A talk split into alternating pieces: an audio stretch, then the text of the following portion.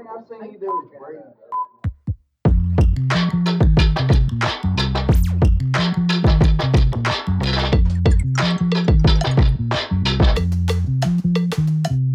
staat van het verhaal. Welkom bij de Staat van het Verhaal, een plaats voor onvergetelijke verhalen. Ik ben Chris Lomans. En ik ben Smita James en je luistert naar een podcastserie van de Nieuwe Oost Wintertuin, waar wij elke maand iemand ontmoeten die een verhaal bij zich draagt. Een verhaal dat een podium verdient, omdat we als mens en maatschappij niet compleet zijn zolang we het niet kennen. Vandaag vanuit het Belma Park Theater, een andere locatie dan waar we normaal de staat van het verhaal opnemen. Dus special shout-out naar Belma Park Theater. We zitten ehm, wel een beetje aan de straatkant, dus misschien horen jullie af en toe een scooter voorbij razen. Dat is ambiance.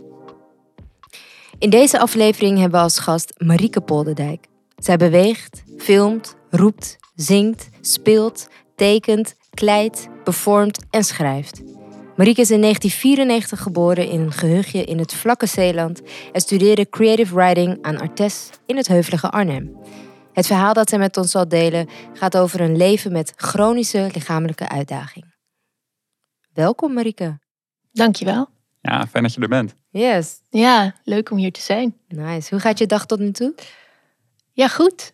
Het was Ja? leuk om weer eens een, eh, een treinreis te hebben. Ergens naartoe. Ah, de eerste na de, na de lockdown? Nee, dat niet. Maar wel, eh, het is lang geleden. Maar dat maakt, ja, het doet me wel weer levend voelen. Ja, het is weer avontuurlijk ineens. Ja. precies. Ja. Chill. Ja, fijn. Eh, het verhaal dat je zo met ons gaat delen gaat over leven met een chronische lichamelijke uitdaging. Eh, veel mensen zijn misschien gewend om eh, lichamelijke beperking te gebruiken Ja. als formulering. Eh, maar jij vindt uitdaging een kloppender woord dan beperking. Kun je daar iets over zeggen waarom dat zo is? Ja. Mm, ja, voor mij kleven aan de woorden beperking of ziekte, want je zou het ook een chronische ziekte kunnen noemen, kleven wel veel associaties die niet per se heel prettig zijn. En ehm, ja, je zei ook inderdaad al kloppender. Ik denk dat ehm, er een heel groot verhaal wordt verteld over wat eh, in onze maatschappij als gezond wordt gezien. En volgens mij is gezond dan eh, mensen die volgens het, het eigenlijk het productietempo van de kapitalistische productiemaatschappij kunnen leven en dat kunnen volhouden. Ehm, en iedereen die dat niet kan, die wordt dan beperkt genoemd of ziek. Mhm. Ehm, ja, en ik stel daar ook een beetje mijn vraagtekens Ja, bij in hoeverre eigenlijk. dat afwijken van de norm dan niet juist iets gezonds is. Ja, en ook omdat ik denk dat ik, ik heb natuurlijk inderdaad ook last van een beperking. En ik, eh, eh, ja, zeg maar fysiek gezien is dat ook zo. Mhm. Ehm, maar ja, en daar zullen we het straks wel over hebben. Ik heb ook ervaren dat juist die beperking mij zoveel kracht heeft gegeven eigenlijk. En daarbij eh, vind, ja, daarom vind ik het woord uitdaging beter passen bij... ehm, Je bent niet alleen de beperking. nee, Nee, klopt. precies, ja. ja. ja. Oké, ik, ben, eh, ik ben wel Ja, benieuwd naar, je, ik, eh, naar je ik verhaal ook. nu dan. ja. Ja. Ben je er ehm, klaar voor? Zeker. ja. Ehm, ja, ik ben als kind eigenlijk nooit echt ziek geweest. Eh, totdat ik in 2010, toen was ik 15 en toen kreeg ik voor het eerst echt buikpijn en lang en veel. En dat ging maar niet weg. En ik weet nog dat ik toen op de bank lag op een Ik heb een herinnering, dan lig ik op de bank met zoveel maagpijn dat ik ook niks anders kon dan liggen. En dat mijn moeder zei, ik ga nu bellen. En dat was ook zo'n moment dat ik voor het eerst zo hoorde aan de stem van een van mijn ouders dat het, dat het niet goed was. Ehm, ja, toen ben ik opgenomen en in een medische molen terechtgekomen. Ik viel ook heel veel af, ondanks dat ik genoeg at. Dus dat was wel een teken dat er iets aan de hand was wat, ehm, ja, wat serieus was. Uiteindelijk ben ik toen in een eh, eh, MRI-scan gelegd en daar hebben ze daar zijn ze erachter gekomen dat ik een eh, niet aangeboren hersenafwijking heb. Ehm, mijn hersenen nemen te weinig hersenvocht op. eh, wat ervoor zorgt dat er overdruk ontstaat in mijn hersenen. En eh, daarvoor moest ik geopereerd worden en werd ik met spoed naar het ziekenhuis in Antwerpen gebracht. Ehm, daar heb ik mijn zestiende verjaardag gevierd. ik weet nog dat ik uh, wakker werd en dat er allerlei zusters slingers voor mij aan het ophangen waren. Um, maar ja, daar ben ik geopereerd en daar hebben ze een drain of ook wel een VP-shunt geplaatst. Dat is een, uh, een pompje wat het overtollige hersenvocht van mijn hoofd naar mijn buik afvoert. En daarna ging het herstel eigenlijk heel langzaam en heel moeizaam. Ik kreeg op een gegeven moment ook steeds meer hoofdpijn. Toen bleek dat die shunt bekneld geraakt was, moest ik opnieuw geopereerd worden, kreeg ik een bloeding. En uiteindelijk ja, heeft dat ertoe geleid. Eigenlijk begon toen pas de echte ellende, omdat ook toen die bloeding was opgelost, eigenlijk ik alleen maar thuis zat, nog steeds met extreme vermoeidheid, hoofdpijn, buikpijn. Ik voelde me zo eenzaam en somber en ik kon helemaal niks eigenlijk. Maar tegelijkertijd trok mijn neurochirurg eigenlijk zijn handen ervan af. Omdat uh, ja, technisch gezien alles wat hij kon doen gedaan was. Uh, dat was echt heel naar en lastig. Ik had zo'n groot verlangen om gewoon mee te doen. Um, maar ik was echt afgesneden en ik keerde daardoor heel erg naar binnen. Um, en toen hebben we heel, ik zeg we, want ik met mijn ouders hebben heel lang en hard gezocht naar uh, mogelijkheden om uh, ja, toch weer erbovenop te komen. En uiteindelijk heb ik toen via een revalidatie, uh, revalidatieprogramma wat gericht is op chronische vermoeidheid en pijnbestrijding.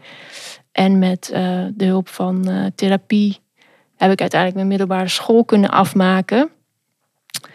Um, ik ben altijd een heel erg spelend, knutselend, lezend, creatief kind geweest. Uh, dus ook zeker in die periode en ook met behulp van de therapeut die ik toen had, um, werd dat eigenlijk steeds belangrijker voor me. Een hele belangrijke uitingsvorm.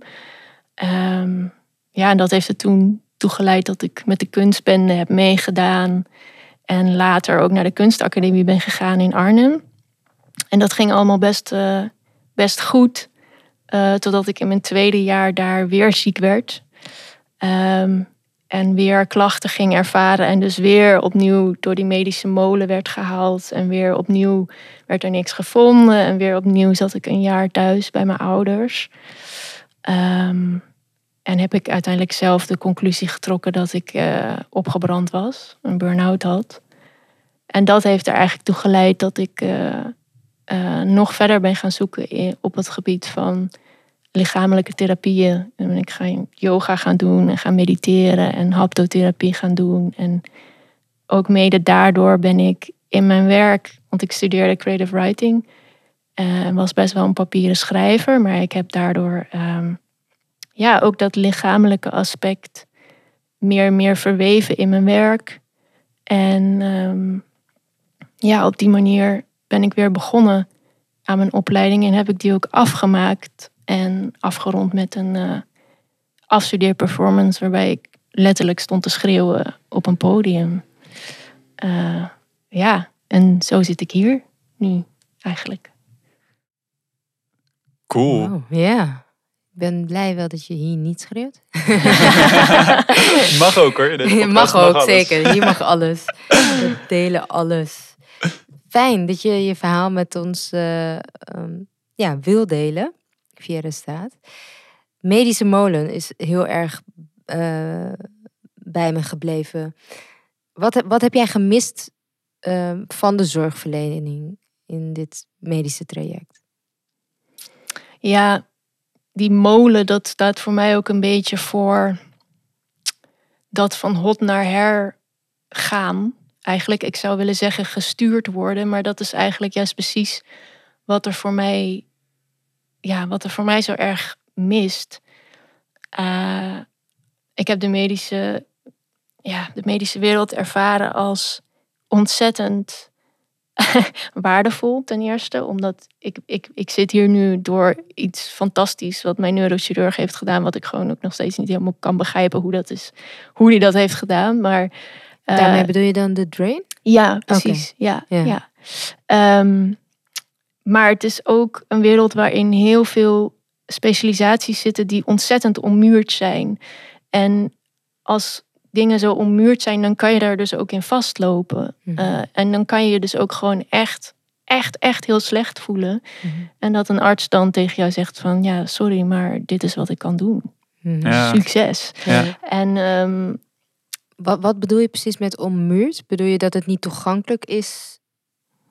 Nou, dat er dat eh, artsen super gespecialiseerd zijn. Dus een neurochirurg, mijn neurochirurg keek alleen naar het stukje van mijn hersenen. Mm. En ehm, ja, daarin mis ik heel erg de erkenning dat je lichamelijke en mentale welzijn één groot geheel is, wat ook super ingewikkeld kan zijn, maar ja, heel erg met elkaar verbonden is. Ja. En het zou zo fijn zijn als al die, die specialisaties, al die mensen die zoveel kennis hebben, in een soort van kring zouden kunnen staan waarin ze elkaars handen vasthouden.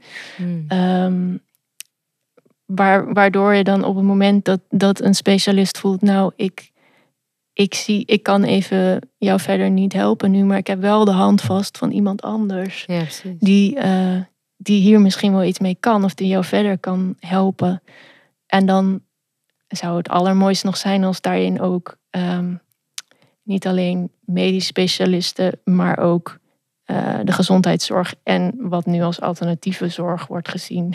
Mhm. Dat het gewoon Ja. één mooie, prachtige kring zou Ja. kunnen zijn Ja, van mensen die, ehm, die Ja. samenwerken en Ja. elkaar versterken. die samenwerken en die, ja, wat ik echt als heel erg traumatisch heb ervaren, los van het feit dat ehm, überhaupt ineens eh, ervaren dat je lichaam, ja, dat je gewoon letterlijk niet meer op je benen kan staan. Mhm. Mm.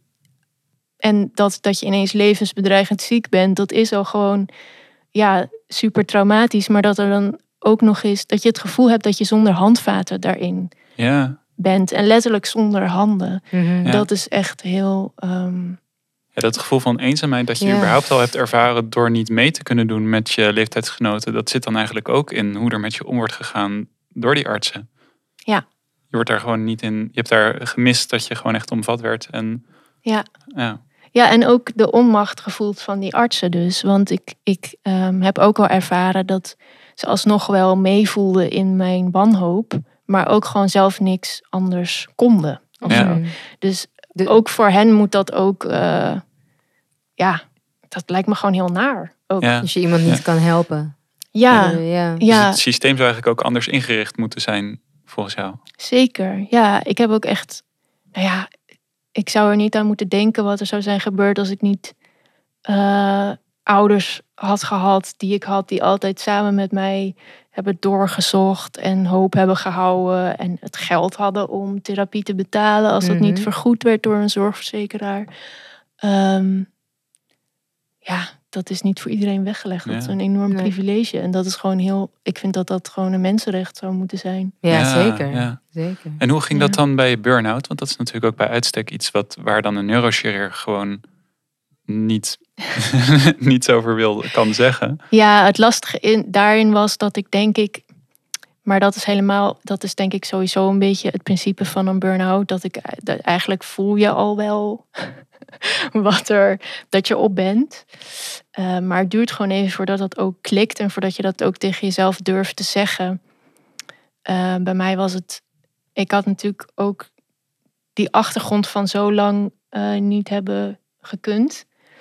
Ehm, en ik was zo, juist zo, ik, ja, ik was zo op mijn plek op die kunstacademie. En ik had het zo naar mijn zin. En ik leerde zoveel mooie mensen kennen dat ik me daar ook vol op stortte. Ja. En ehm, alles deed. En ehm, Kreeg ja. je dan die burn-out omdat je het goed wilde maken wat je eerder gemist had? Of zit het ergens anders in? Ehm, ja, een burn-out heeft altijd gecompliceerde factoren, denk ik. Maar ik denk dat dat wel een grote, grote drijfveer was om Compensatie in a way. ja, ja, ja mee, mee willen doen. En ook wel het gevoel hebben mee te moeten doen. Ehm, ja, en welke dan, wat dan het kip of het ei is, is Ja. natuurlijk. Maar het is natuurlijk ook, dat is ook de weg die ik heb afgelegd in qua acceptatie. Als je met een lichamelijke uitdaging eh, leeft. Ehm, ja, ik moet soms op dagelijkse basis eh, accepteren dat ik niet alles kan doen wat ik zou willen doen Mhm. op die Ja. dag. En dat ik niet al mijn verlangens zou kunnen, ja, Hoe ziet dat er dan Ja, uit? dat eh, was ik ook benieuwd. die acceptatie. Nou, of het, het Nee. niet, kunt, niet kunnen doen wat je wil doen. Als je dat wil vertellen hoor. Ja, wat in de maatschappij zorgt daar dan voor? Ehm, nou, ik heb, ik, ik, ik heb gemerkt, ik heb gewoon niet de energie, überhaupt heb ik niet de energie om de hele dag te werken. En ehm, ja, als je, als je een beperkte energie hebt, wat het mij eigenlijk heeft gebracht ook, is dat ik, ik weet dat ik gewoon, eh, ik kan gewoon niet te veel doen op één dag. Dat is gewoon het meest Hm. basale antwoord Mhm. daarop. En ik moet rekening houden met dat als ik wel intense dingen doe, eh, zoals een avondactiviteit, om dat zo maar even te zeggen. Ik dacht even dat je ging zeggen, zoals een podcast. nou ja, ik heb wel serieus, ik doe eh, vanmorgen en vanavond, dan Mhm. plan ik niks in. Oké, Want dat, dat, is, ja, ik, ik, ik, het gaat vooral om voldoende ruimte en lucht inbouwen mhm. Ja. in, eh, ja, in, in wat ik doe. En ehm, ja, dat, dat strookt heel erg met wat ik net al in de introductie zei over, ehm, zeker als je jong bent en als je net als ik, als het niet heel duidelijk fysiek zichtbaar is dat je eh, ja, last hebt of te dealen hebt met iets. ehm, dan, ja, dan, dan de, de, de wereld is gewoon ingericht op dat productieniveau van gezonde mensen. Ja. Dus eh, dat vraagt om heel veel uitspreken wat je nodig hebt. En je constant daartoe verhouden en voelen, eh, wat heb ik nodig? Ja. Ehm, ja, en dat is ook iets wat ik echt wel heb moeten leren om. Het is zo makkelijk om het gevoel te hebben. Zeg maar, ik heb kunstonderwijs gedaan en dat doe ik nu nog steeds. Ik doe nu ook een master van het Letterenfonds. En dat, je zou zeggen dat dat ook echt al hele vrije vormen van onderwijs zijn. Maar het is zo Mhm. gemakkelijk om het gevoel te hebben dat je toch ergens aan moet voldoen. Ja. Ehm, Waar zit dat hem dan in? Want zit dat, is dat iets wat, wat wij automatisch in ons hoofd hebben, dat we ergens aan moeten voldoen? Of ja, word je dan ergens toch... Ja, ik denk, ik denk dat dat. Ja, het is natuurlijk ook. Ik ben een, eh, een vrij perfectionistisch persoon. Dus daar heeft het ook mee te maken. Maar het heeft ook te maken met. Ik denk alle grote verhalen die er verteld worden in de wereld over hoe je, hoe je, hoe en wie je zou moeten zijn en waar Ja. je aan moet voldoen. Om, Mhm. Ook als ik zeg schrijver of kunstenaar, dan heb ik toch gewoon een beeld in mijn hoofd van waar ik dan aan zou moeten voldoen.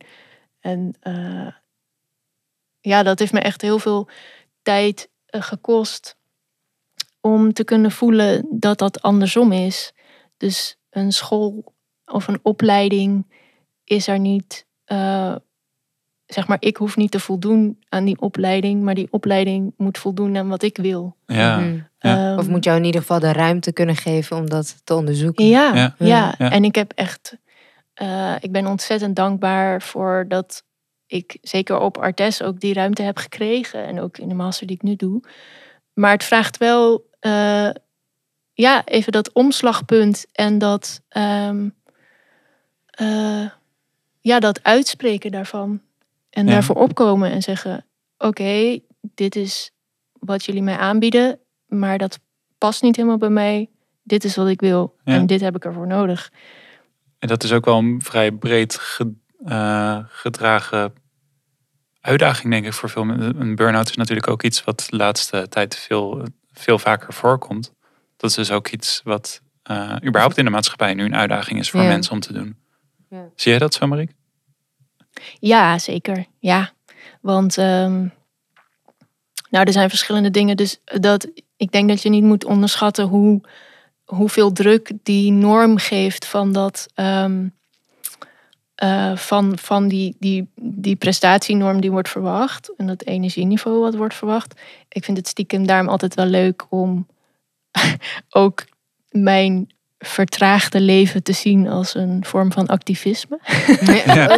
Which it Om- is, Ja. volgens Ja. mij Ja. ook. Ja. Ja, ehm, en het is natuurlijk ook daar, los daarvan dat ik ook dus op dagelijkse basis nog bezig ben met accepteren dat ik niet alles zou kan doen wat ik zou willen doen. Ja. Dus om je uit te spreken over wat je nodig hebt, moet je denk ik dat ook al bereiken. Mhm. Ja. En ik, nou, ja, ik heb daarbij gevoeld dat acceptatie. Ik had ook heel lang het idee van, nou, als ik dat dan accepteer, dan voel ik me daar oké bij. Maar het gaat veel meer over de gevoelens toestaan Mhm. eh, van verdriet en pijn en, Ja, en Ook boosheid. een stukje rouwen dus. Een Ja. stukje rouwen. Ja. En dat gewoon voelen en dat oké zijn met dat dat er is. Mhm. En ja, natuurlijk een soort van basic ding. Ik leef van een Wajong uitkering.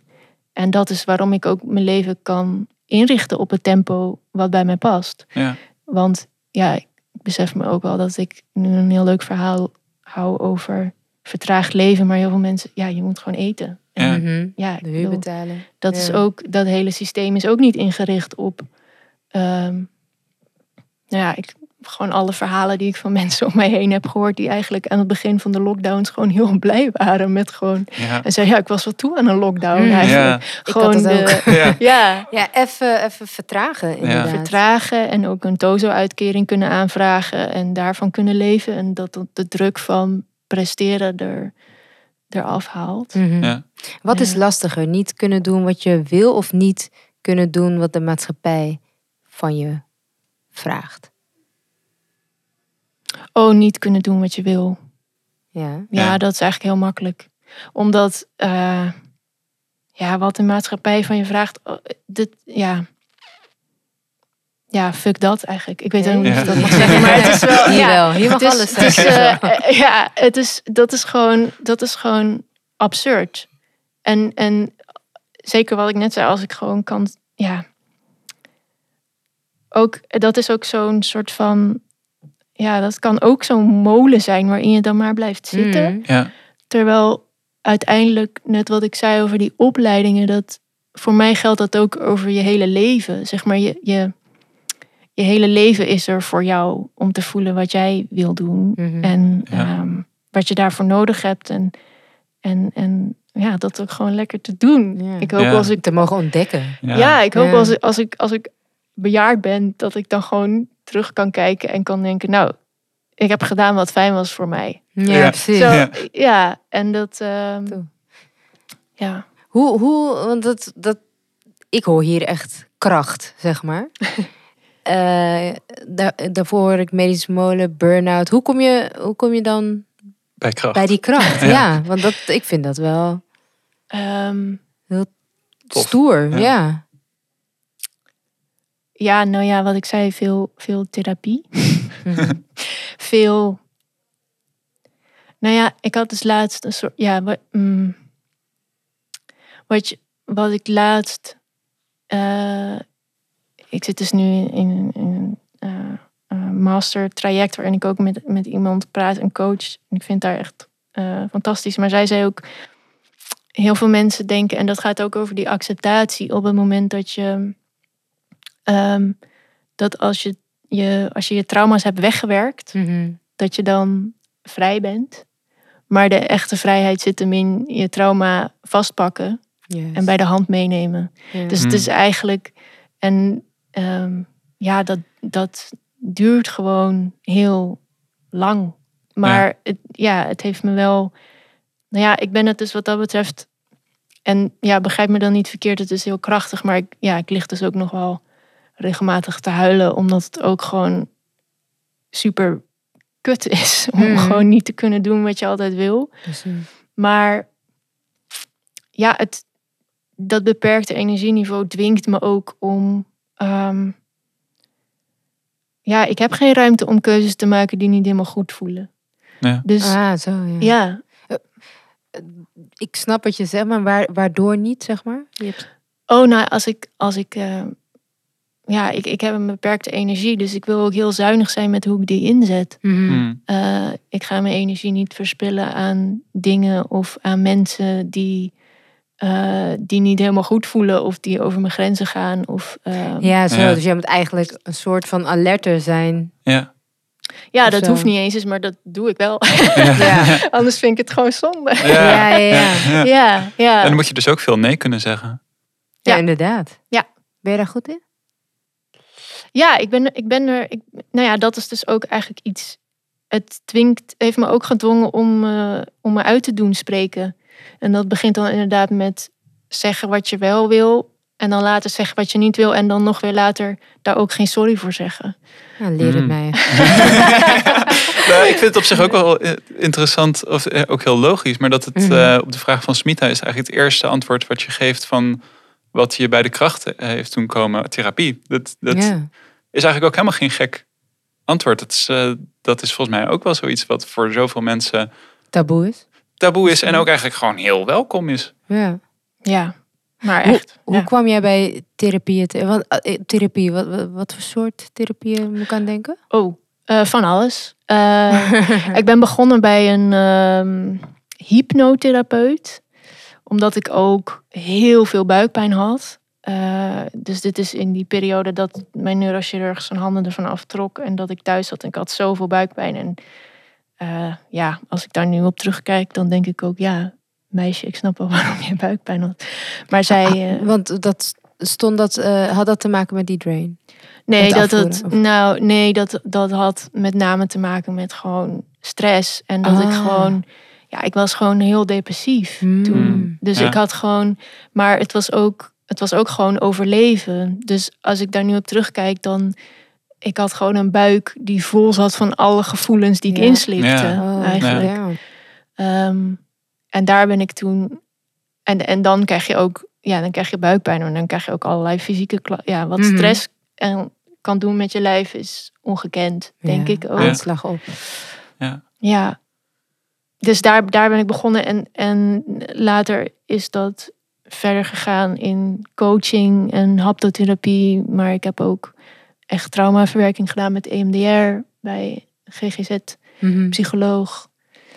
Ja. En is, is het, hoe je het nu eh, opnoemt, zeg maar, klinkt het alsof je er heel gericht naartoe ging. Is dat ook eh, het proces geweest? Of moe- moe- zaten daar. Hoe, hoe kom je bij al die mensen terecht? I mean, ik denk Nou. niet dat iedereen een haptotherapeut vindt. Of hypno. Ik- ik Zie denk- ga al mis.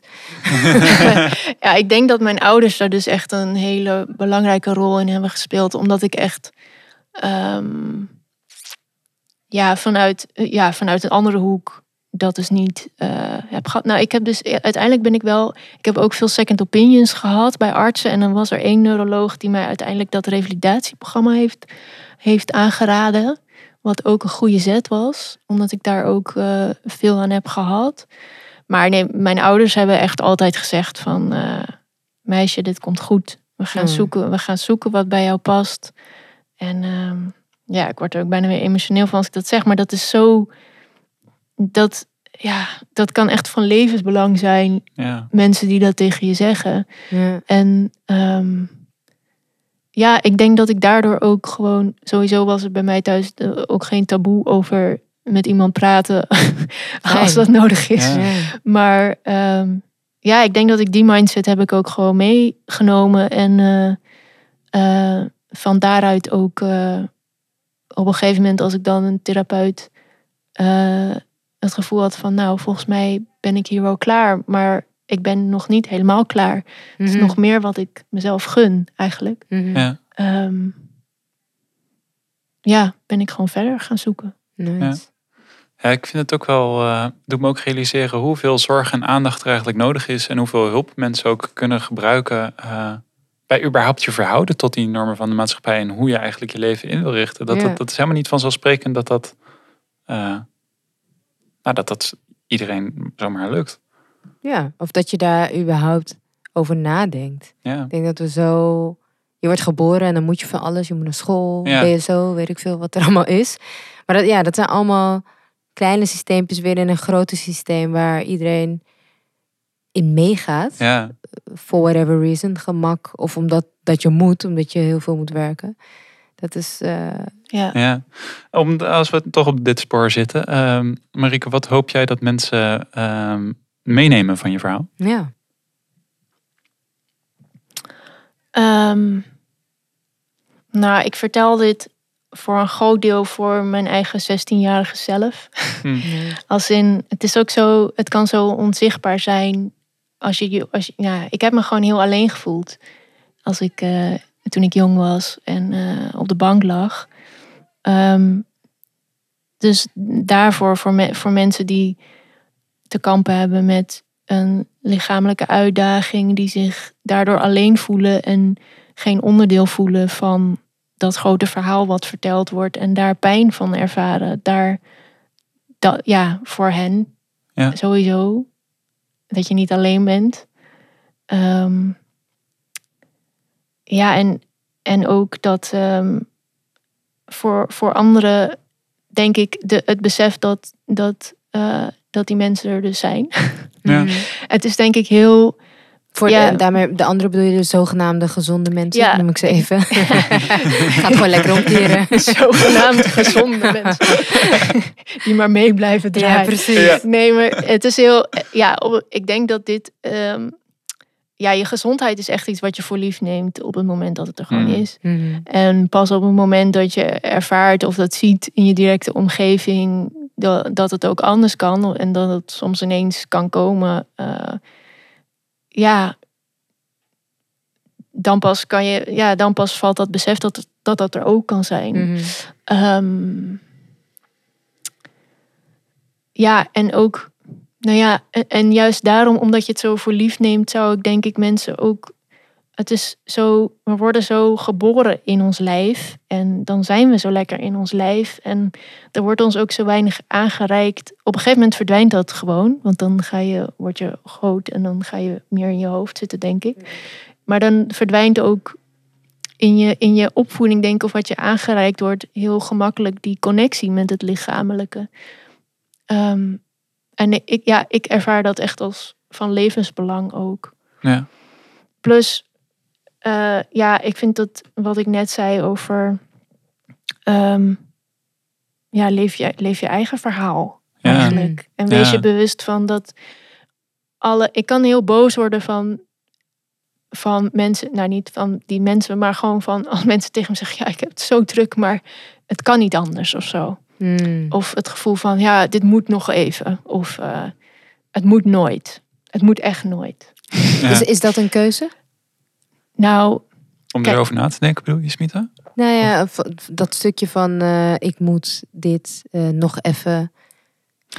ja, nou, ja, op, ook daar weer ben ik me er wel van bewust dat het ook te maken heeft met geld, vaak. Mhm. En, mm, maar ik, ik, ehm, ja, ik denk dat het uiteindelijk, tenminste wat ik heb meegemaakt, is dat het gewoon, het kan uiteindelijk toch altijd. Ja, ja, Ja. precies. Ja. Ja, Ja, wauw. Wow.